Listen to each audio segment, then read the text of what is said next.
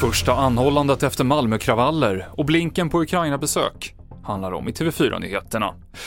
Vi börjar med att berätta att explosionen i ett bostadshus i Norrköping i helgen inte längre bedöms vara avsiktlig, enligt polisens tekniker.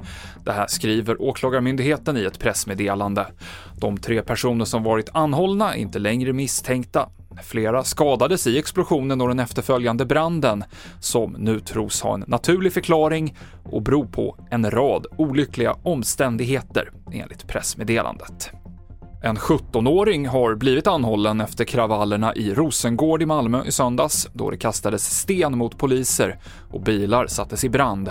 Pojken är misstänkt för våldsamt upplopp och polisen säger att fler kommer att gripas inom kort i takt med att man går igenom filmmaterial. Upploppet skedde efter en koranbränning tidigare på söndagen i Malmö.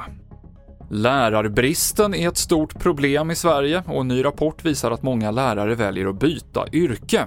Åsa Fahlén, förbundsordförande för fackförbundet Sveriges lärare, säger att det är viktigt att lärare får ordentligt med tid för att förbereda lektionerna när jag får den här tiden och jag har förberett mig, det är ju fantastiskt roligt att undervisa. Så man vill ha den inskriven i sitt, i sitt arbetsschema helt enkelt. Här har jag så här mycket tid för att förbereda och det ska vara Vi skulle mycket. vilja att har du så här mycket undervisning, då ska du ha så här mycket tid till förberedelse och efterarbete. Det mm. måste, måste styra upp det där, mm. för den försvinner annars.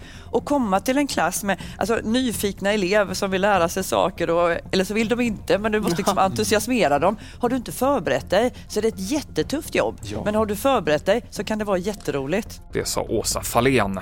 Och USAs utrikesminister Antony Blinken befinner sig i Ukrainas huvudstad Kiev på ett överraskningsbesök.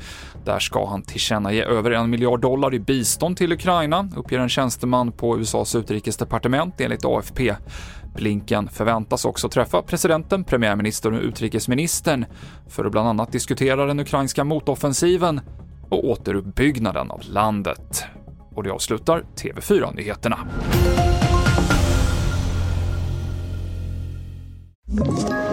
Ett poddtips från Podplay. I fallen jag aldrig glömmer djupdyker Hasse Aro i arbetet bakom några av Sveriges mest uppseendeväckande brottsutredningar går vi in med hemlig telefonavlyssning och, och då upplever vi att vi får en total förändring av hans beteende. Vad är det som händer nu? Vem är det som läcker? Och så säger han att jag är kriminell, jag har varit kriminell i hela mitt liv men att mörda ett barn, där går min gräns. Nya säsongen av Fallen jag aldrig glömmer på Podplay.